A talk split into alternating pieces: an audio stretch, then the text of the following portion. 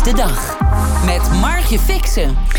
Ja, winkels als eh, Big Bazaar, Shubi en Score kampen met financiële problemen. Of ze zijn zelfs al failliet. En vandaag was dus de volgende aan de beurt. High service, low pricing. Dat is zeker. PCC. Ja, dit soort vrolijke commercials konden BCC niet redden. De elektronica-keten ging vandaag officieel failliet. De vraag is natuurlijk, ja, uh, door al die sluitingen en die problemen... worden de winkelstraten steeds minder aantrekkelijk. Zit er überhaupt nog toekomst in die straat? Ik ga het vragen aan retail-expert Paul Moers en aan Martijn Eksterkaten. Hij is adviseur levendige centra bij adviesgroep Stekgroep. Hartelijk welkom. Um, ja, meneer Eksterkaten, een levendig centrum dat, dat is heel lastig met al die winkels die sluiten. Nou, kijk, ik denk eh, in de kern zijn mensen sociale wezens. Dus ze willen altijd erop uit om eh, anderen te ontmoeten, om te kopen, om uh, naar levendige plekken te gaan. Dus en dat, dat zijn binnensteden bij uitstek. Uh, leegstand is natuurlijk niet fijn, dus daar moeten we met elkaar mee in de slag. Maar uh, u heeft echt nog hoop dat uw functie, zeg maar, uw baan, dat, dat, dat die nog wel blijft bestaan voorlopig? Nou, nou, ik denk dat die steeds belangrijker wordt. Want leegstand is, uh, ja, uh, ja, heeft een hele negatieve effect op, op de winkelstraat natuurlijk. Is niet fijn als ja. consument om in een lege straat te lopen. Nee. Ehm, ja, dus vol opgave. Ja, nou, daar gaan we het straks over hebben, wat uw ideeën zijn. meneer Moers, de BCC is vandaag dus failliet verklaard. Waar is het misgegaan? Nou, uh, op uh, verschillende fronten. Het eerste is natuurlijk dat uh, de omzet dit jaar voor de totale elektronica-branche maar 1,1% gegroeid is. En het volume heel fors gedaald. Dus alle elektronica-winkels hebben het moeilijk. Het tweede is dat zij hebben eigenlijk niet de drivers of change gezien. En wat is dat? Ja. Voor de coronacrisis ehm, hadden fysieke winkels eigenlijk een logistieke functie. Je ging daar het product halen. Maar na corona heeft iedereen van jong tot oud geleerd dat je het online kunt bestellen. Dus wat hadden de winkels moeten doen? Je hadden een inspiratieve functie eh, neer moeten zetten. waarmee je de klanten naar je winkel lokt. Uh, waarmee okay. ze een belevenis laten hebben. En de derde waar ze last van hebben. Is natuurlijk de enorme gestegen kosten uh, voor ja. die winkels. Denk aan lonen, denk aan uh, huur. en denk aan energiekosten. Dus ja. het valt allemaal natuurlijk niet mee. Nee, en die inspiratieve omgeving, heeft u daar een voorbeeld van? Wie, wie dat nou wel goed doet? Nou, stappen ze een uh, Apple-winkel uh, binnen. Je weet niet wat je ziet. Hè. Je, je valt om van verbazing. De producten zijn daar uh, de helden. Maar kijk bijvoorbeeld ook in een bijenkorf. of kijk in een Rituals. Nou, daar word je helemaal verwend met de prachtigste producten om je heen. die winkel ziet er schitterend uit. Maar ja, als je dan naar zo'n BCC-winkel ging...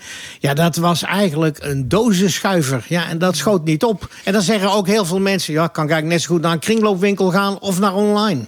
Ja, meneer Extrakaten, zegt u ja, eens, Helemaal herkenbaar. Eens. Ik zie nog wel dat ja? steeds uh, het meeste geld wordt besteed in de fysieke winkels, 70 procent. Online groeit nog wel wat. Uh, maar je moet als winkel relevant zijn en inspelen op de toekomst. En dat doe je niet met uh, stapels met dozen nee. en, en rekken okay. vol met...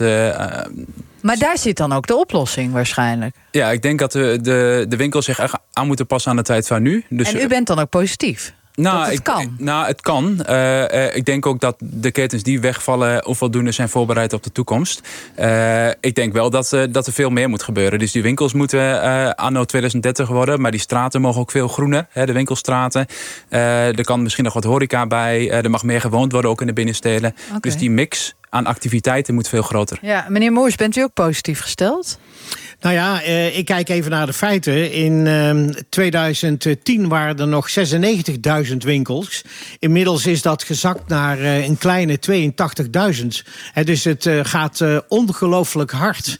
Ehm, maar er zijn gelukkig winkels die het wel op durven te pakken. Kijk even naar de HEMA. Een paar jaar geleden mm. nog op sterven na dood. En dan zie je dat onder een heel nieuw management, Saskia Egas Reparas, ehm, die winkel echt weer inspiratie biedt. Die winkel echt weer mooie producten heeft. Echt weer goede ja. service. En dan zie je de mensen weer massaal ja. naar die winkel toestromen. Maar in dus kan wel. In zijn algemeenheid zegt u dan... Uh, ja, het komt weer helemaal goed? Of uh, dit is het begin van het einde? Nee, we zullen moeten leven met een uh, significant kleinere hoeveelheid winkels. En ehm, wat inderdaad wel moet gebeuren... is dat je de aanloopstraten...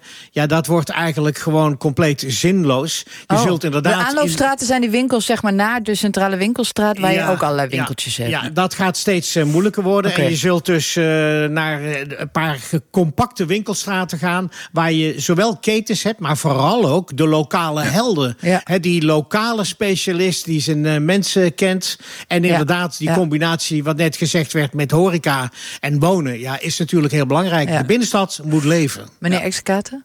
Ja, helemaal mee eens. Ik denk ook dat juist eh, eh, elke grote binnenstad heeft dezelfde ketens. Dus ik denk als er juist zeg maar, ketens wegvallen en nieuwe ondernemers staan op, maakt het eigenlijk veel aantrekkelijker om ook naar zo'n centrum eh, toe te gaan. Juist die mix.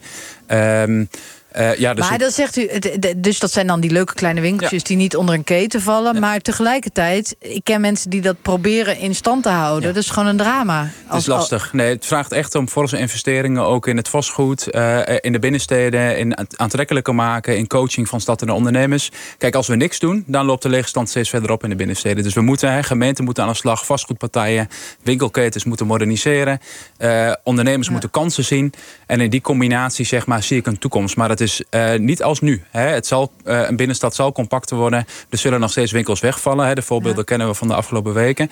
Eh, maar ik wil ook niet eh, elkaar de put in praten. Want ik denk dat mensen nog steeds naar binnensteden willen gaan. Want daar gebeurt het. Daar, eh, daar is de reuring. eh, Ja. En dat willen mensen doen. Ja, want, want meneer Moers, u bent, ja, u, u, u zit er toch wat, wat, misschien wat negatiever in. Maar mensen vinden het toch nog steeds leuk om even door de stad te struinen op zaterdagmiddag. Ja, gelukkig wel. Mensen vinden dat zeker leuk eh, om door die eh, stad te struinen. Maar ja, ik adviseer natuurlijk allerlei eh, winkelketens. Dus Ja. ja. ja, ik kijk ook van binnenuit. En dan blijf ik mij verbazen eh, dat ze die signs of time gewoon onvoldoende begrijpen. En ja, wat ik echt niet snap, is dat je na die coronacrisis die winkels niet significant hebt veranderd. Dus ik vind dat heel veel directies echt uit hun luie stoel moeten komen, moeten gaan bewegen en een nieuwe visie moeten gaan neerzetten. Daar is nu keihard de noodzaak voor.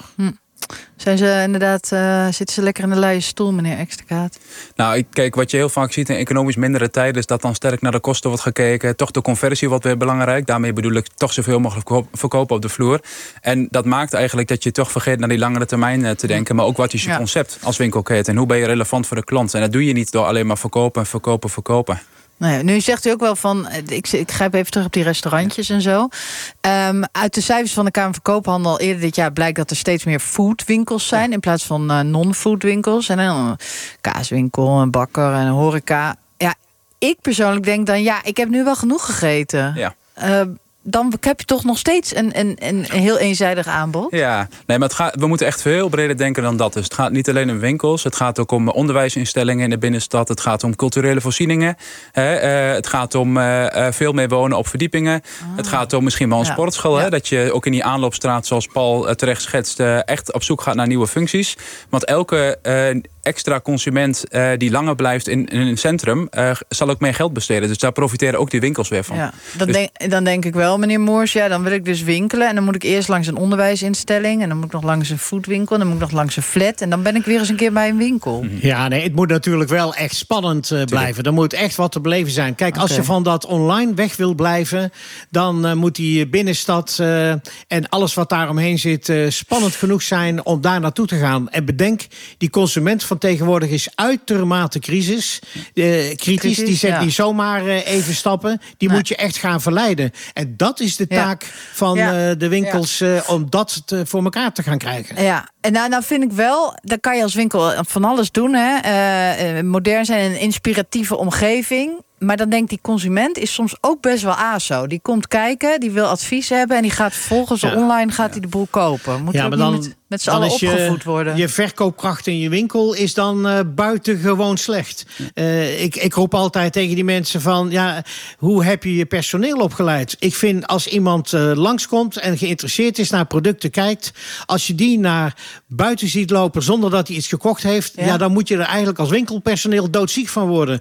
Dus je moet zorgen dat je de kwaliteiten hebt... om die mensen te overtuigen om die koop ook te sluiten. Ah. En daar zie je het vaak fout gaan. Want in die winkels staan vaak mensen... die überhaupt niet geïnteresseerd zijn in die winkel... en al helemaal Nee. niet in de klant. Ja. En helemaal niets weten van het Nee. eh, product. Maar je mag al blij zijn als je. Ja, je mag al blij zijn als je überhaupt personeel hebt, meneer Extrakaten. Ja, dat is in deze tijd nog grotere uitdaging. Je zit met die kostenstijgingen, maar ook nog eens vindt maar eens personeel en ook personeel wat, uh, wat aanvoelt wat die klant eigenlijk wil, waar de triggers zitten bij de klant.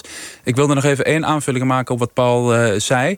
Kijk, op zich, ik denk in de winkel van de, van de toekomst hoeft het geld niet per se meer verdiend worden op de winkelvloer. Kijk, als jij een goede klantenbinding hebt, dan is het prima als die consument zeg maar ook bij je eigen platform online wat koopt. Maar het gaat erom dat je in die winkel, die op. fysieke plek, die, die, ja, jouw klanten je fans maakt, zeg maar. Dat ze voor jouw merk uh, iets willen doen.